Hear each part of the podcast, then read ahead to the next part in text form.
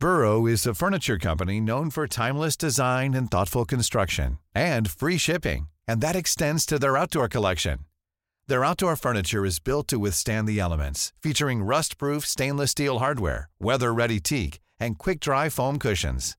For Memorial Day, get 15% off your Burrow purchase at burrow.com slash ACAST and up to 25% off outdoor. That's up to 25% off outdoor furniture at burrow.com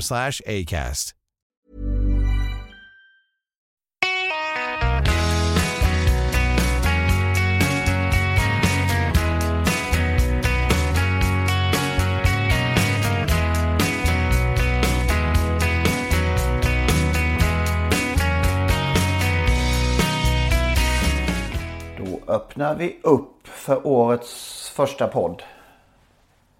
Det är totalt 31 i ordningen av denna travsport radioshow. Oj då, oj då. Så. Ibland får man ta i lite extra. Ja, det är bra. Ja, som sagt. Den första epis- episoden för 2017. Har du vänt på alla blad? Jag har vänt på alla blad och inte gett några nyårslöften. I alla fall inte offentligt och inte till min omgivning. Möjligtvis inombords, in, ja, för mig själv då. Ja. Nej, det var länge sedan man gav några sådana. Jag, har, jag går och styrketränar för min rygg oavsett om det är den 27 december eller den 2 januari. Jag såg Leif GW, Leif GW Persson hade lovat att gå ner 50 kilo. Eller, Ja, jag såg någon... Tänk att man kommit så långt att, att ens nyårslöften står på löpsedeln. Ja, om du tar till med 50 kilo så kan du hamna där. Ja, precis. Ja, nej, det... Kan det vara möjligt? För den gode Leif? Ja, allt är möjligt för honom. Är det- Ja, det kanske det är faktiskt. Ja. Eh, nej, men det lär väl finnas en och annan som har lite ångest över alla nollställda listor på svensk travsport kanske. Ja, så är det naturligtvis. Men det finns ju också de som eh, har sett fram emot att få nollställa och börja om efter ett... Eh, det finns ju de som har, hade ett dåligt år naturligtvis i fjol och betydligt sämre än året före. Och så vidare. Så att eh, de eh, nollställer nog räkneverken med viss tillförsikt. Ja. Har du någon spontant som du tänker på? Nej, men det väl flera där eh, utav topptränarna som hade säm, betydligt sämre år. eh, Wahlman, Stenström för att nämna några. Nu får de chansen att eh, slå de siffrorna med råge och kanske komma upp i samma siffror som året innan 2015. Kan tänka Det sig går att lite upp och ner, upp och ner i den här branschen. Det gör ju det. Jag kan tänka sig att sån, en sån som Peter Untersteiner kanske eh, har legat sömnlös någon timme på någon natt. Eh, Men han brukar ju vakna på nätterna sa han i någon Ja, intervju och fundera på dåliga lopp eller bra lopp han har kört. ja, han brukar inte gilla nollställningar. Nej, kan tänka mig det. Har du någon abstinens då? Ligger du och skakar av eh, V75 från varon efter, efter festerna Nej, i, det, i, nej, men däremot pustar ut skulle jag nog kunna säga att nu har det bara gått ett par dagar men eh, jag måste nog erkänna att jag var helt varit helt ointresserad av att titta på startlistor och V75-listan som har kommit och så vidare. Eh, Det känns lite grann som att luften eh, har gått ur. För i alla fall tillfälligt. Ja. Det är alltså Romme som har det ot- otacksamma uppdraget kanske man kan säga. att kö- Romme, ja just det. och Ja. köra på lördag. Det blir spännande att se vad det blir för omsättning. Ja. Jag, jag har inte... Under, under hela veckorna här de närmaste veckorna blir lite spännande naturligtvis att se. Tog pengarna slut alldeles? Tog orken slut? Tog lusten slut? Eller stimulerade nya spelare att delta varje dag? Ja, spännande. Det ska väl analyseras i sinom tid. Ja, det är lätt att bli blasé. Det är ju till, till och med så att folk, det känns som att man börjar bli terrorattentat blasé nästan. Det, det ska mycket till nu. Det, nu var det bara Istanbul och 39 döda. Ja. Det var, det, var inte, det var inte mycket uppmärksamhet kring det. Nej, Direkt. I jämförelse med tidigare. men så är det naturligtvis. Hemskt. Mycket, mycket hemskt. Men alltså om vi ska återgå till V75. Det omsatte alltså 440 miljoner totalt eh, på de här åtta omgångarna. 55 miljoner nästan i snitt. Spelarna har sagt sitt som det brukar heta. Så de verkar... Ja, någon sa det att eh, vi har spelarna, spelarna har röstat för detta, sa någon marknadschef på ATG såg jag någonstans. Mm. Jag måste säga att det var att det är bra siffror. Ja, det är fantastiskt bra och lite oväntat. Ja. Och jag såg de sista minuterna där i lördags. Det fullständigt rasade in miljoner. Eh, jag kan tänka mig att det var alla de här V75 tillsammansystemen som då eh, lämnades in under en kort period som fick sån effekt. Mm, precis. Så Hans Skarplöt, Hasse kanske han vill höras vid, eh, uttalade sig igår om att, eh, att eh, ja, de har överträffat förväntningarna. Och eh, det, även det sportsliga har varit eh, över, över hans tro. Det har varit, som han uttryckte det, jäkligt bra tävlingar. Eh, det kanske jag inte riktigt kan skriva under på. Och vad vet han om det?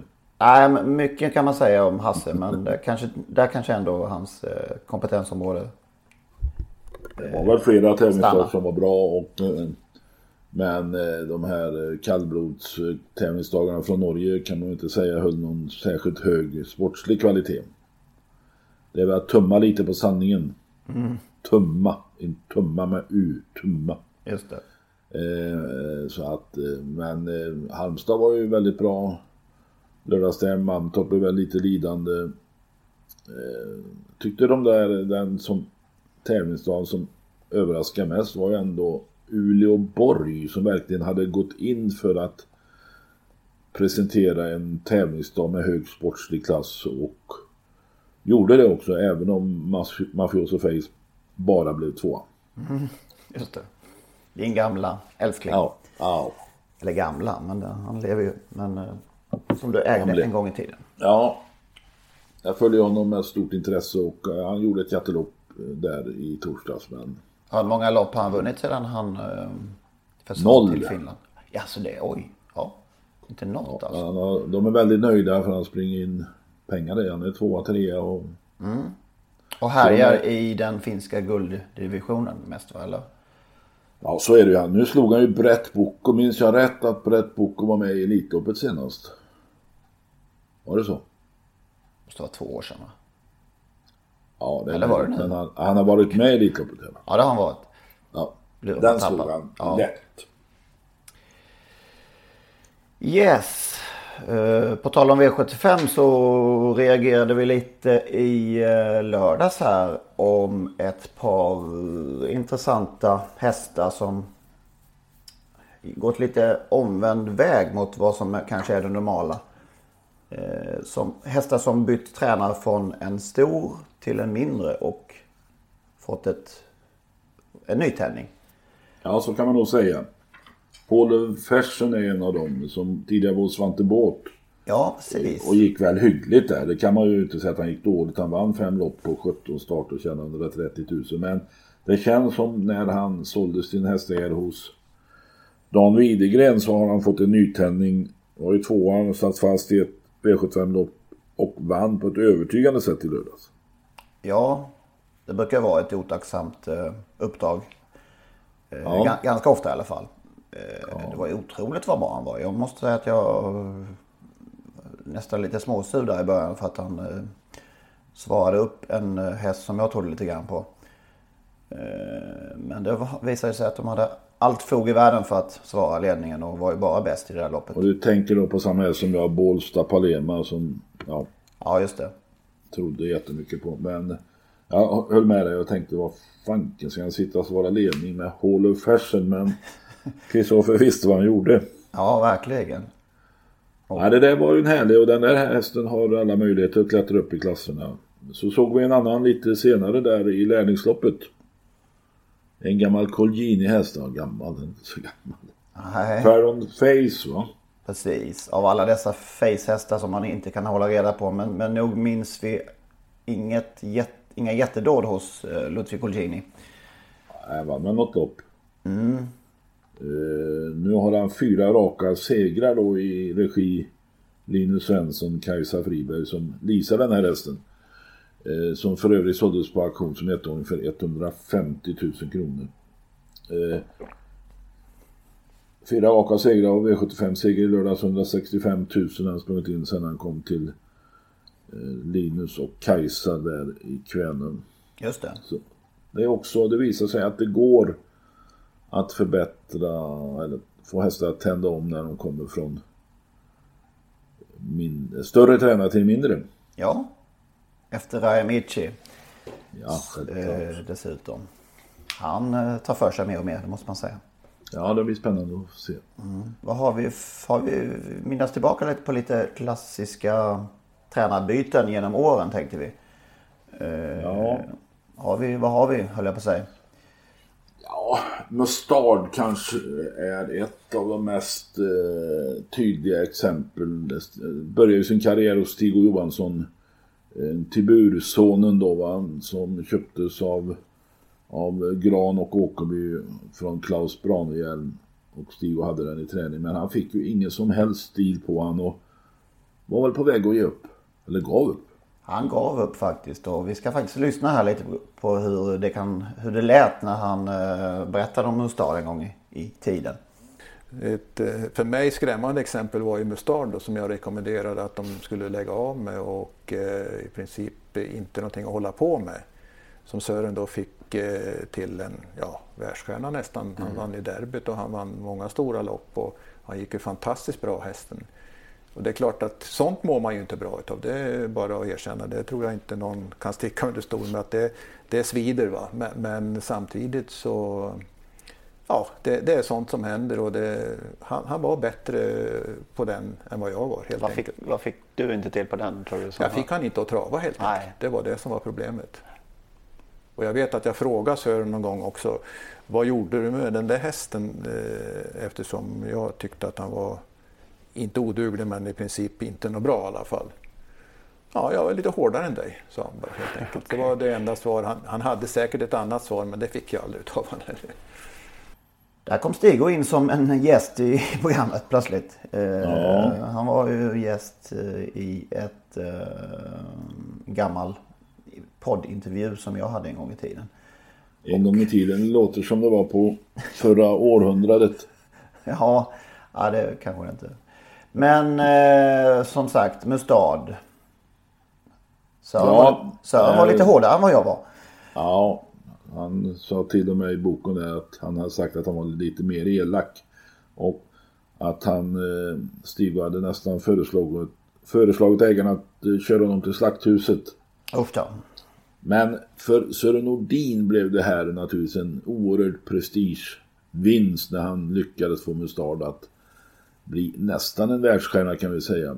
Det var ju ändå en viss eh, antagonism där mellan den gamle mästaren Sören Nordin och den kommande nye Stig-O Johansson. För Sören var det där naturligtvis en, en, en oerhörd fjäder i hatten. Ja. Han vann derbyt, kungapokalen. 150 meter väl? Ja, Premio Europa i Milano.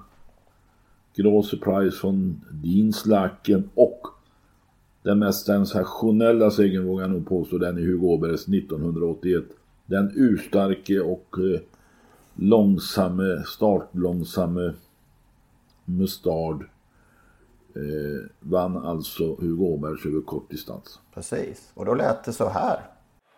Men det är fortfarande nummer sju Norina Noven med nummer sex med Express Gax utvändigt. Så tredje häst nummer två Promon RS.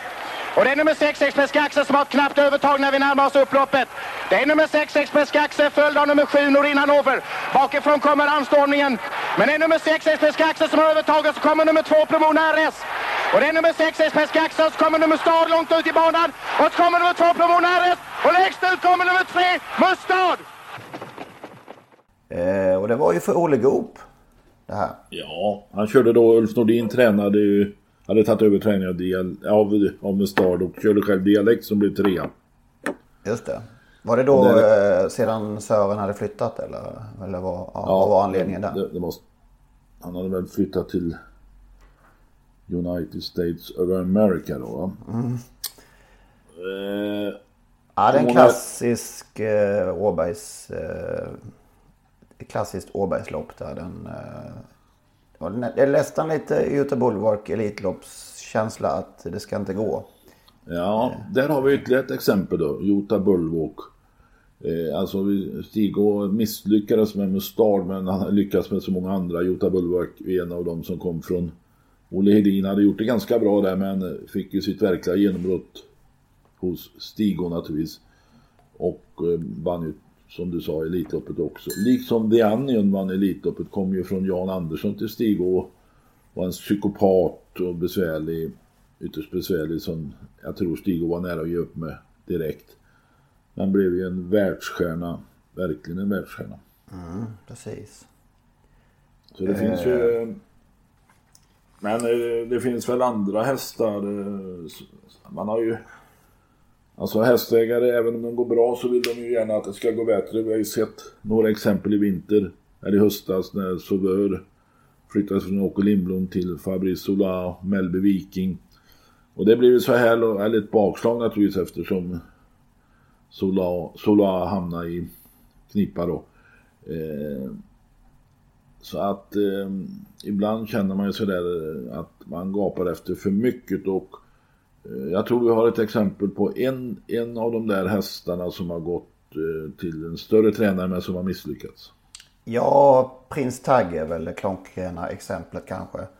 Eh, efter en, ja, från en pågående framgångsrik karriär hos Ralf Karlstedt så ville ägarna flytta honom till, till och så kanske få ytterligare en växel i hästen. Men den, den fanns inte. Den trivdes han inte alls i, i mass, massindustristallet höll jag på att säga. Eh, gick ingenting hos Nurmos och avslutade ju sedan karriären och nio hos Ralf. Gick tillbaka och fick väl en liten nytändning igen. Eh, vad har vi? Ja. ja. Det finns ju hästar som tänder till sent i karriären. Och sen då kan jag i detta sammanhang på, påminna om Activity. Han gjorde 20 starter som treåring, var tvåa som bäst. Han gjorde ytterligare 10 starter som fyraåring utan att vinna. Och så tror jag det var i 31 starten han vann sin första seger, ett lärlingslopp på Åby för Hans Frey som körde då. Eh, sen samma år blev han ju faktiskt tvåa i derbyt. Och eh, han är den, blev också den första vinnaren World Trot Cup som var den här samlings... Ja, just det. Det är helt otroligt faktiskt. Och vann ja. massvis med stora lopp runt om. Bland annat Prix de Luxemburg. Ja. Till slut så 10 miljoner sprang hästen in som inte vann en enda start på dem. Ja, det är makalöst. Det, är nästan, det är nästan värre än uh, eh, BB's Sugarlight som uh, det finns faktiskt en annan likhet med. Uh, men Activity är nog snäppet värre till och med. Ja, det kan vara så. Anders Lindqvist var ju den som mestadels körde eh, Activity, men det var ju ägarna, Bengt Hansson där, som, som stod för träningen. Just det. Jag minns en annan häst, Jerome Rodney, han var inte lika känd. Han kom, som, kom från Norrland till Roger Grundin på Axvall. Eh, och var mest känd för att stanna till slut i loppen. Eh, och jag var lite inblandad i hästen genom att jag körde fort med eller körde snabbjobben med honom väldigt, väldigt ofta. Okej. Okay.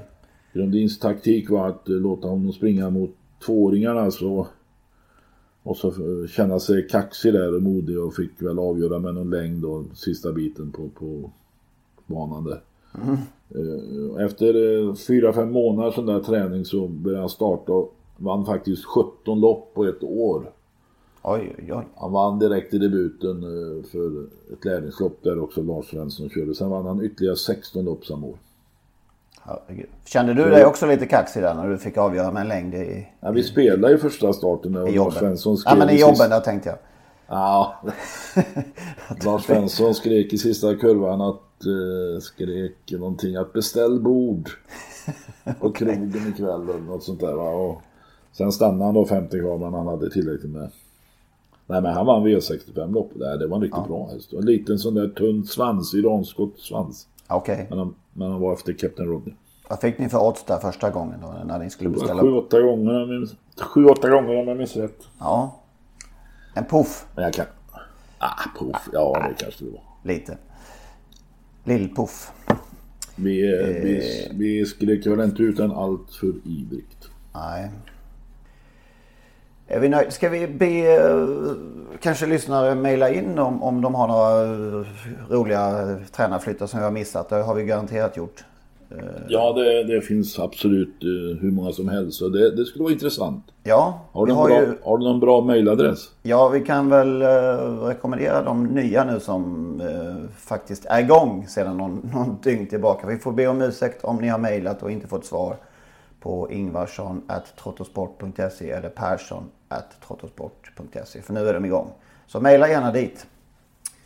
Helt enkelt. Det ska bli Ja. synnerligen spännande att se om vi har några riktiga sådana där Ja, precis. eh, formbyteshästar, formförhöjningshästar. Och gärna då omvänd eh, från den, lill, från den stora till den lilla också. Helt enkelt. Och misslyckade.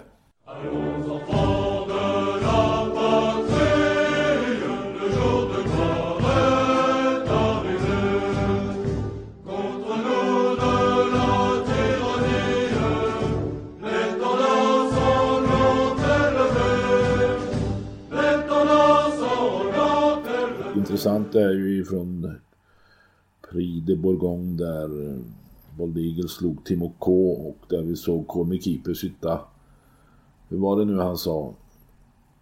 Eh, Inte heroiskt fastlåst utan vad var det kom- James en gång- i tiden? Ja, just det. Jag kommer ihåg i alla fall att jag pratade med Peter Norberg, den goe göteborgaren någon gång. Att han stod upp i sulken i sista Ja. biten. Så, så, så satt han fast ungefär. Ja, harmoniskt. Harmoniskt fast var det nog. Det kan man nog säga den här gången. Men Basir har ju efteråt sagt då att eh, han körde sitt sämsta lopp denna vinter. Hittills denna vinter, i detta vintermeeting. Ja, det var ju Och det olyckligt. kan vi, det, det tänker i alla fall inte jag protestera mot. Nej. Nej, helvete vad han såg ut. Om man får uttrycka sig så. Ehm, han har ju haft på, lite år, ja, han har ju genom hela karriären haft lite problem med sina framknän och nu verkar de ha eh, kommit till rätta med de här. Så att jag måste säga att jag nog aldrig har sett hästen finare och mer vältravande. Så att det hade varit fantastiskt intressant att se vad han kunde uträtta om han hade blivit kvar i ryggen där på Eagle. Som Ja, han han, hade hade. faktiskt chans tror jag. Att, jag tror också han hade en möjlighet att gå ut i uppförsbacken där framför spanjoren. Han, han tittade länge men ångrade sig eller tanken dök inte upp i alla fall. Nej. Då hade han kommit ut framför Bold Eagle. Ja just det, men då hade han fått gå först i tredje spår kanske. Eller... Ja, Men det vet inte- jag. Men alltså ja. som han såg ut och som målgången visade. Jag undrar om man inte hade kunnat knäppa honom. Alltså. Men det, då kanske man är en sån där naiv svensk igen. Eh, för att, ja, nej, det var ett otroligt intryck. Vad tyckte du om Bo Legal? Han gör det han ska. Det gör han ju alltid. Mm. Och eh, han vinner så gott som varje start. Ändå är han aldrig bra tycker vi svenskar. Många av oss. Kanske är så. Ja. Ja, men det var inte det där. Man har sett honom rappare över mål i alla fall någon gång. Det tycker jag nog. Men det gick nog väldigt fort sista biten. där. Det hade gått sakta. Åt, åtta sista fem var det tydligen. Men eh, det ska han väl kunna springa. Ja, samtidigt är det väl så att han inte ska vara på topp just nu utan om tre veckor, två och en halv vecka. Precis, så är det ju. Vi får väl se nu om då Daniel Redén gör ett nytt försök med Komi Keeper i Prix de Belgique. Där lär det då, även om Bold Eagle inte är med och Timo K inte är med, så lär det ändå bli ganska tufft motstånd där. Ja, det är sista, sista chansen helt enkelt. Ja, om man vill ta den, det vet jag inte. Ja, det tror jag då. då. Men eh, det är ju lite, lite mer chansartat där med, med ett, eh, voltsystemet som man ju inte var be- bekväm med i den näst senaste starten när det blev galopp. Eh, så att det blir ju ett annat moment. Men eh, ja, vi får se. Är det något kul i veckan annars då? Ja, söndag skulle Vi möjligtvis har pratat om, få- vi har pratat om Savör några veckor i rad här nu. Ja, Kom han aldrig? han anmälde ett lopp. Ja, han kom inte med senast. Melby Viking var däremot med och galopperade för David Toman. Eh, båda Melby Viking eh, Sauveur är anmäld i ett lopp på söndag tror jag det är, Prix de Lille. Där faktiskt i anmälslistan även Colmy Keeper är med. Arasi Bocco, Philip Billards nya häst, är också med svenskägde där. Så att... Eh, mm, mm, mm. Eh, så bör... Ja, jag är inte säker. Jag tror det är autostart och få bakspår och sådär. Så nej, det, det ser inget... Inte så roligt ut tycker jag. Nej, han har ingen... När det gäller Sauveur. Nej. Ingen lycka med... med...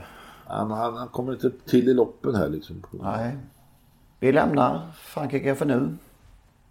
Du har tittat på en... eh, Eller du har funderat, klurat över eh, travsportens mäktigaste personer. Just det. Jag har gjort en liten lista som man ska göra nu på nya året. Ja, just det. Du Tio, valde... de, tio, de tio med störst makt i svensk travsport. Enligt... Mig. Enligt dig. Ja, just det. Alltså det finns ju en solklar etta naturligtvis. Hasse Skarplös. Ja, Skarplöt som står i särklass. Inte bara för att han sitter på kassakistan. Han har också tagit travsporten som gisslan. hoppsan. Med sitt, med sitt löfte om det så kallade pokalåret. Det visas ju inte minst av hans beslut, diktatoriska beslut nästan om V75 starttiden 16.20 Trots att eh, svensk travsports aktiva i en stor majoritet inte vill ha så sen starttid. Och det visas också att ST, Svensk Travsport, nu gör ett undantag i sitt reglemente för en spelform.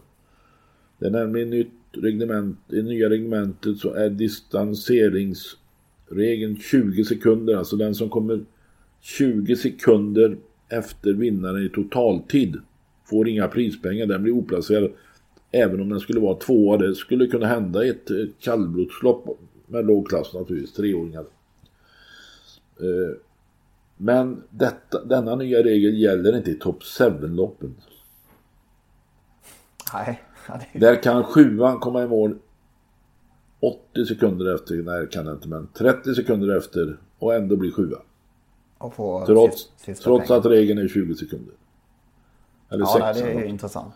Det är helt ofattbart att SD låter sig hunsas av ATG på detta och gör ett undantag i sitt eget reglement, reglemente ska jag säga. För att Skarplet ska få köra sitt Top 7-lopp.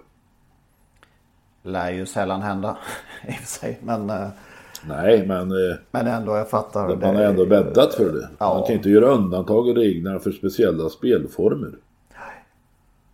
Nej, det är intressant. Nej, om man säger så här. Eh, Skarplöt kommer etta och sen kommer ingenting och sen kommer ingenting. Men vi kan ändå kalla det för tvåa kanske. Ja, Margareta Wallenius Kleberg, travsportens Grand Old Lady. Hon äger mer travhästar än någon annan. Föder upp fler hästar än någon annan. Och har många, eller flera av de mest eftertraktade avelshingstarna. Dessutom har ju Margareta skänkt stora pengar det här året för en ny treåringsserie på Solvalla.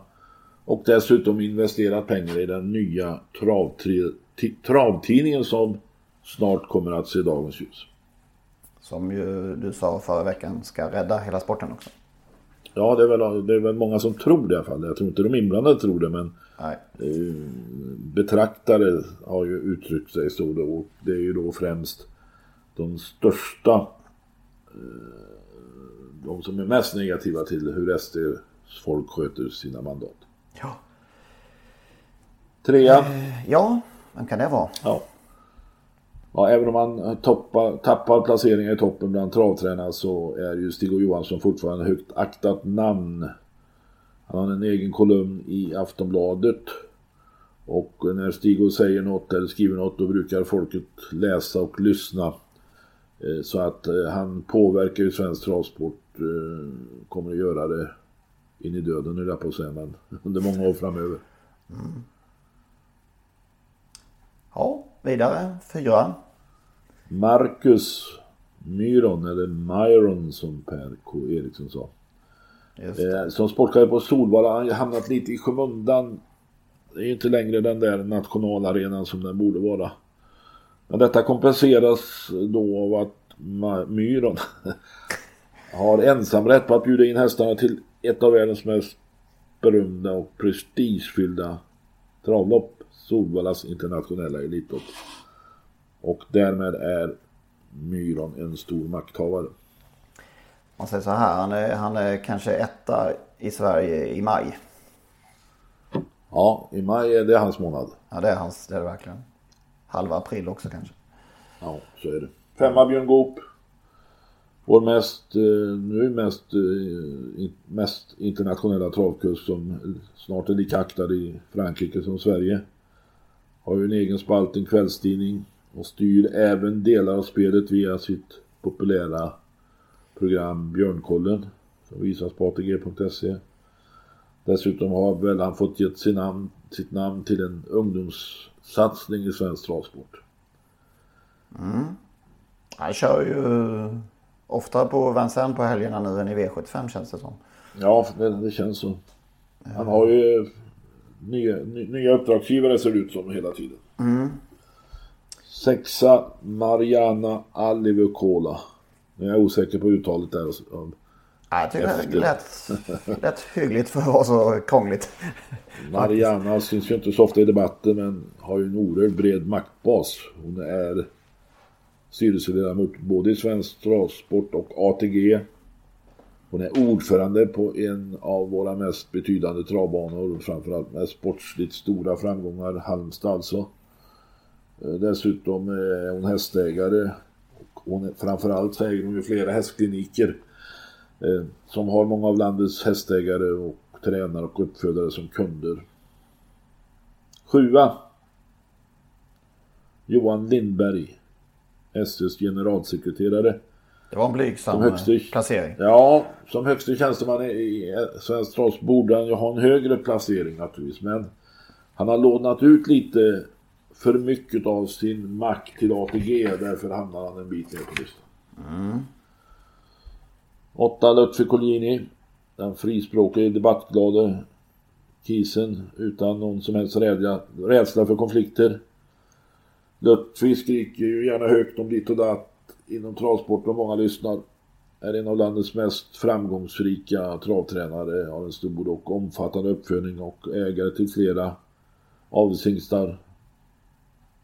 Och har ju skapat Colgini Sales som samlar spekulanter på travhästar från hela Europa, kanske till och med hela världen.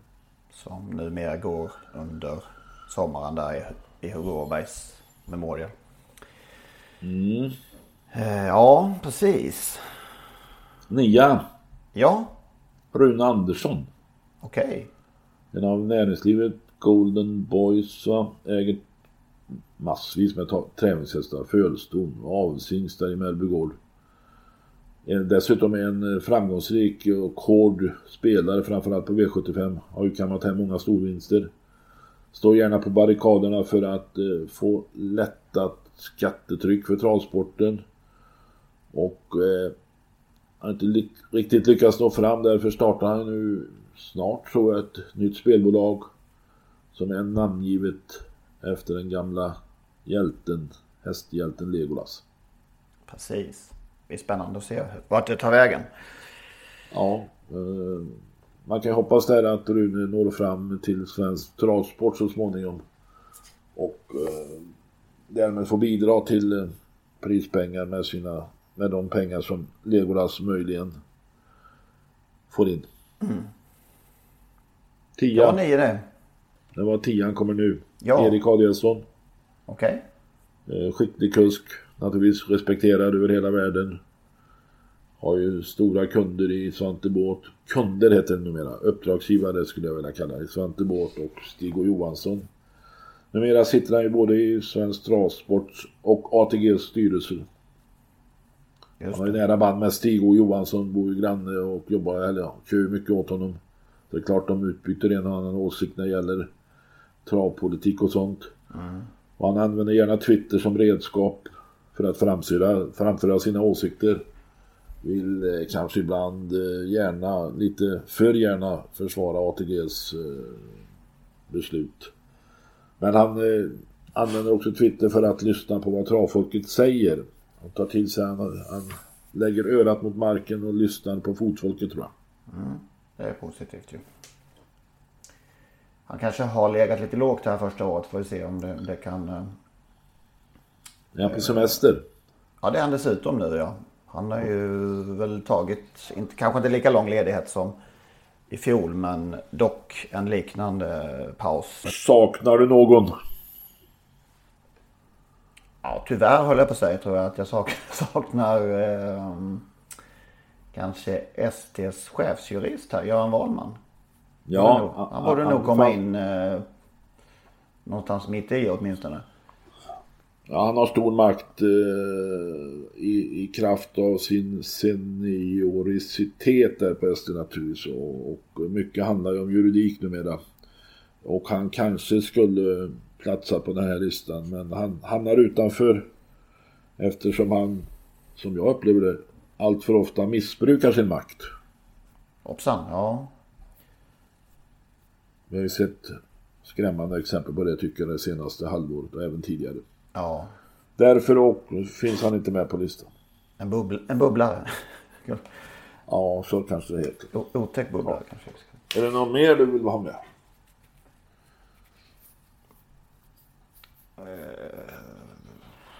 Uh, ingen tung... Uh, jag tänkte på någon, någon uh, tv-expert som styr Dagens Dubbelodds och sånt här streckfördelning, spelet. Ja, det, det, finns ju 50 sådana. Eller i alla fall 20. Ja, finns det någon, någon som är exceptionell på att sänka odds på en rak dubbel? Eller om, om vi tar ett exempel. Nej, jag har ingen, jag har, ser för lite för att um, ha någon åsikt om det. Däremot ja. så är naturligtvis Micke Nybrink en, en eh, stark kandidat på den här listan. Även Per Skoglund. Men Nybrink har ju taggats ner lite nu när han inte har sina kröniker, eh, kolumner i Aftonbladet längre.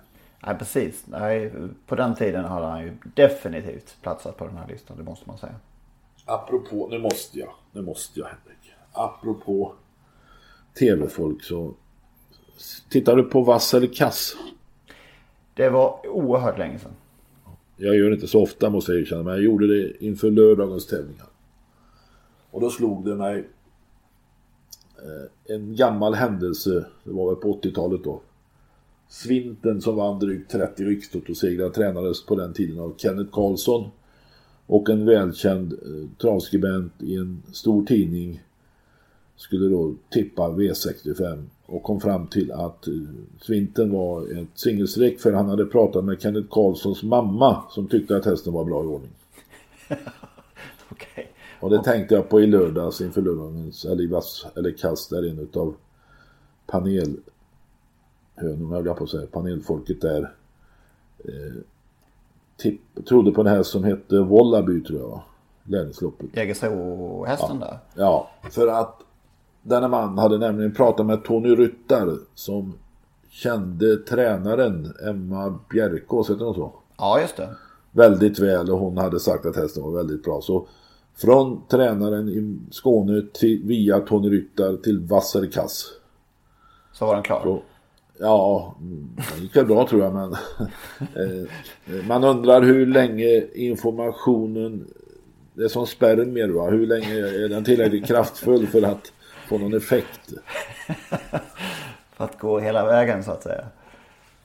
Ja, ja det är intressant. Jag slogs jag vet inte om det fortfarande är så, men jag, jag slogs ofta när de gånger jag tittar på vass att man inte riktigt eh, bedömer om favoriten Alltså målsättningen för vass måste ju vara att till den stora massan uttrycka om det här är en stark favorit eller inte.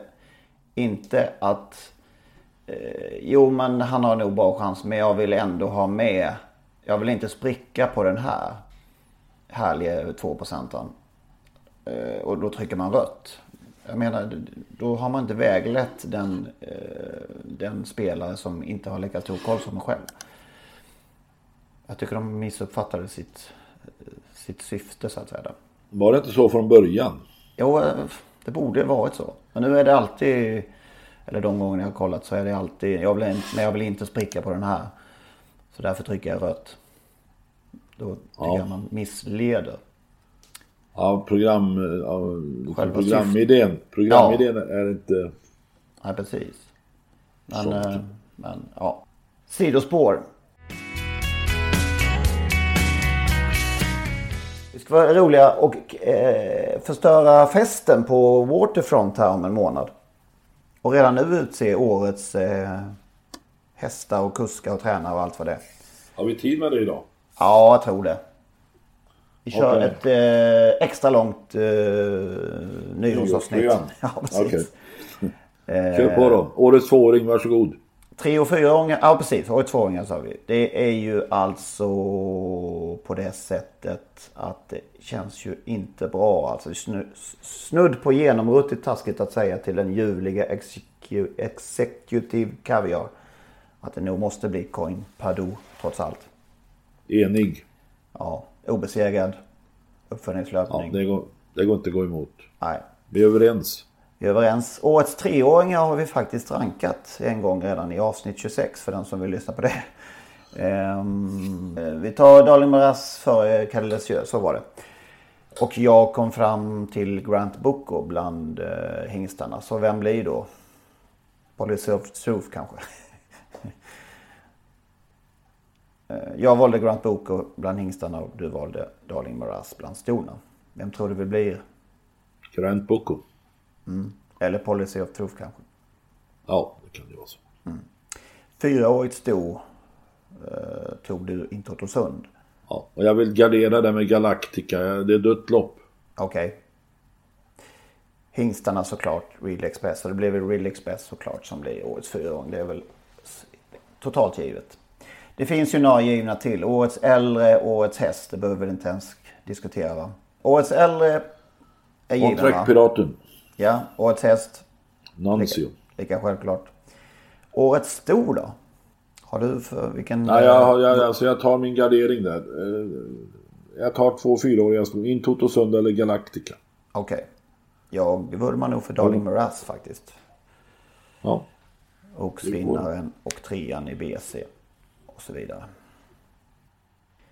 Årets kallblod, vem är det då? Ja, Det det var- är ju självklart tandkraft. Som vann. Nio segrar, nio segrar på elva starter. Tvåa med galopp eh, i svenska kriteriet och vann den norska. Sprungit in i 1,1 miljoner. Vanprisen då? Ja, får bli tvåa då. Okej. ja. ja. Han har väl inte glänst som året innan, det kan man inte säga. Nej, jag håller faktiskt med. Jag kommer också lägga mitt val på Tandkraft. Tack. Det är väl de och Odin Tabak kanske som är hetast där va? SM, SM Ja, just det. Så, Ja. Årets tränare, väldigt svårt måste jag tillstå. Peter Rönnsterstein har kört in mest pengar i Sverige. Han har vunnit mest V75-segrar.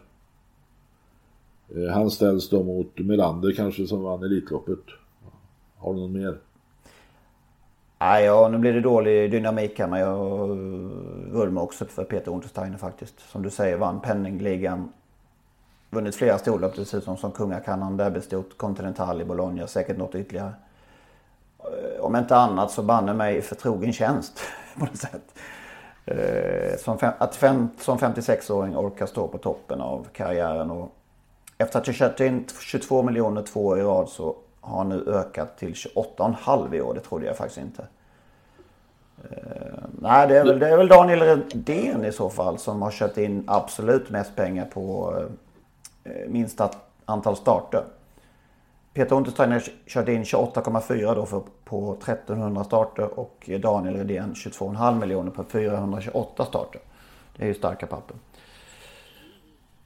Men uh, Peter Untersteiner säger jag. Björn Goop så är lite i skymundan. Sexa i tränarligan. Ja, det är bra gjort. Före Svante Båth faktiskt till och med. Det, är mycket bra. Ja. Årets kusk. Inte mycket att snacka om heller kanske. Han heter nog Örjan. Jag tror det faktiskt. Sällan har det väl varit klarare kanske. Årets komet. Alltid lite klurigt. Ja, där skulle jag nog vilja föreslå Sofia Adolfsson. Okej. Okay. Montertjejen från Örebro. 179 starter, 39 segrar, 22 i segerprocent. Eh, alla är något eh, i sadeln. Hon har vunnit något sulkelopp också. 1,8 miljoner. Det är starkt. Eh, Montén är ju lite i skymundan. Här har man nu möjlighet att eh, göra en Monté-tjej till Årets Komet. Eh, ja. Ja, jag står bakom det faktiskt. Tack det väl... Henrik. Ja. Konkurren... Den största kon konkurrenten är väl Kevin Oskarsson, tror vi va? Ja, det borde vara så. Det blir väl han som... Han har inte vunnit. Han har vunnit V17 och V75 i sig. Men eh, sen har han deltagit, blev fyra i en BC-final, kört VM-loppet och flera oh. andra. Flera andra ja, det är klart han är högaktuell och förmodligen blir det han. Förmodligen blir det han, men vi... Vår kampanj kommer inte räcka till. Nej, men vi håller på Sofia. Nej, men då eh, har vi avslöjat så behöver de inte ha någon fest. Ja, fest kan de ju ha ändå. Ja, klart de ska ha. För du ska väl dit gissar jag? Jag brukar gå sådär var tredje år. Jag gick i fjol så att uh, vi får se. Jag är ganska nära nu. Jag har ju kryp, krypavstånd nästan till festlokalen. Så att, uh. Bästa sämsta sen sedan? Sen senast då? Eh, bästa tycker jag nog är Fröken Frimans krig. Men om man bortser från det så Klas Boko tycker jag var bäst att han har återkommit efter svåra skador och gjorde det på ett elegant sätt. Han spurtade ner hela gänget där på Mantorp. Och som gulddivisionen nu ser ut med 6-7 hästar på lördag så är Klas Boko naturligtvis ett välkommet tillskott under de närmaste månaderna. Mm. Sämsta det är ju Basir. Körning med Colmy Keeper. Okej, okay, du, du, kan inte smälta den. Eh, ja, bästa så har jag dels intrycket på Colmy Keeper. Det var att det alldeles häpnadsväckande tycker jag var han så fin ut. Sen såg jag en annons i Romme-programmet här inför lördag att, ehm, ja det visste jag ju innan att han skulle bli nytt proffs. Niklas Westerholm, Rommes senaste tillskott då på tränarsidan. Det, ehm, ja, då slog det mig vilken lite egen väg han har, lite häftig egen väg han har faktiskt har tagit. Han har inte tagit den enkla eh, rygga pappa-vägen. Och inte ens, faktiskt inte ens samma efternamn eh, som pappas kända. Så det är lite hatten av för, för Niklas. Du skulle alltså helst sett att han hette Niklas Berg? Nej, jag är... Tvärtom. Ju, tvärtom.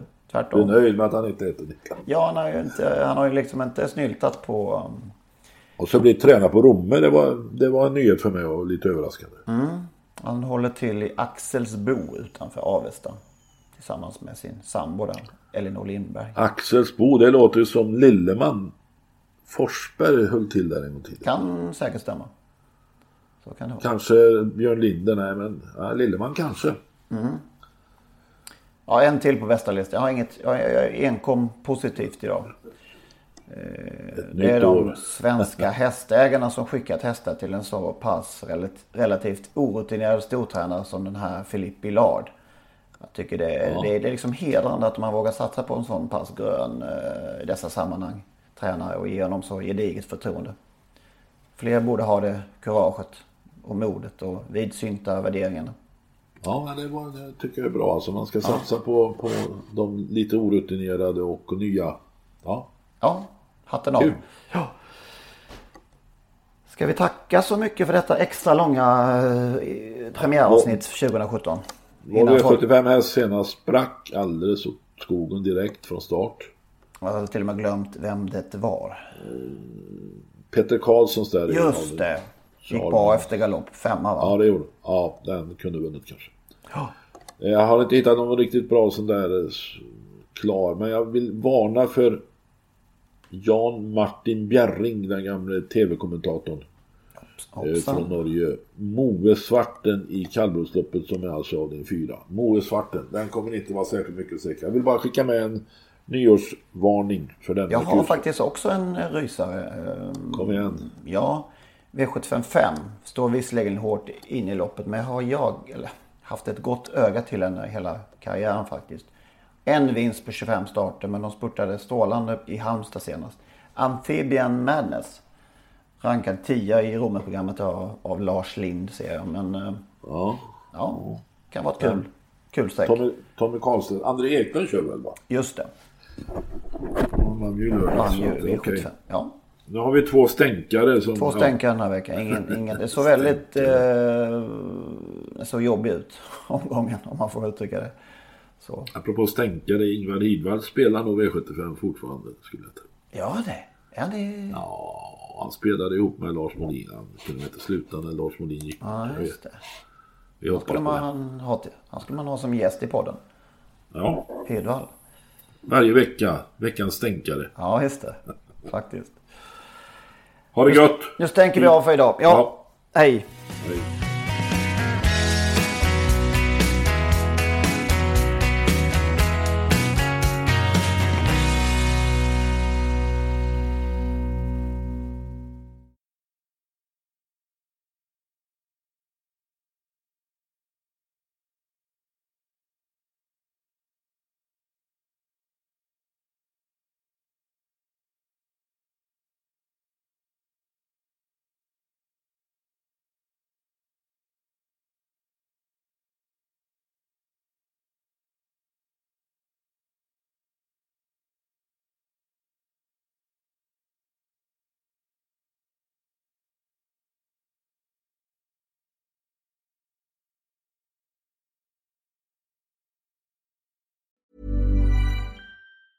Hi, I'm Daniel, founder of Pretty Litter. Did you know cats tend to hide symptoms of sickness and pain? I learned this the hard way after losing my cat, Gingy. So I created Pretty Litter, a health monitoring litter that helps detect early signs of illness by changing colors, saving you money and potentially your cat's life. Pretty Litter is veterinarian developed, and it's the easiest way to keep tabs on your fur baby's health right at home. Go to prettylitter.com and use code ACAST for 20% off your first order and a free cat toy. Terms and conditions apply. See site for details.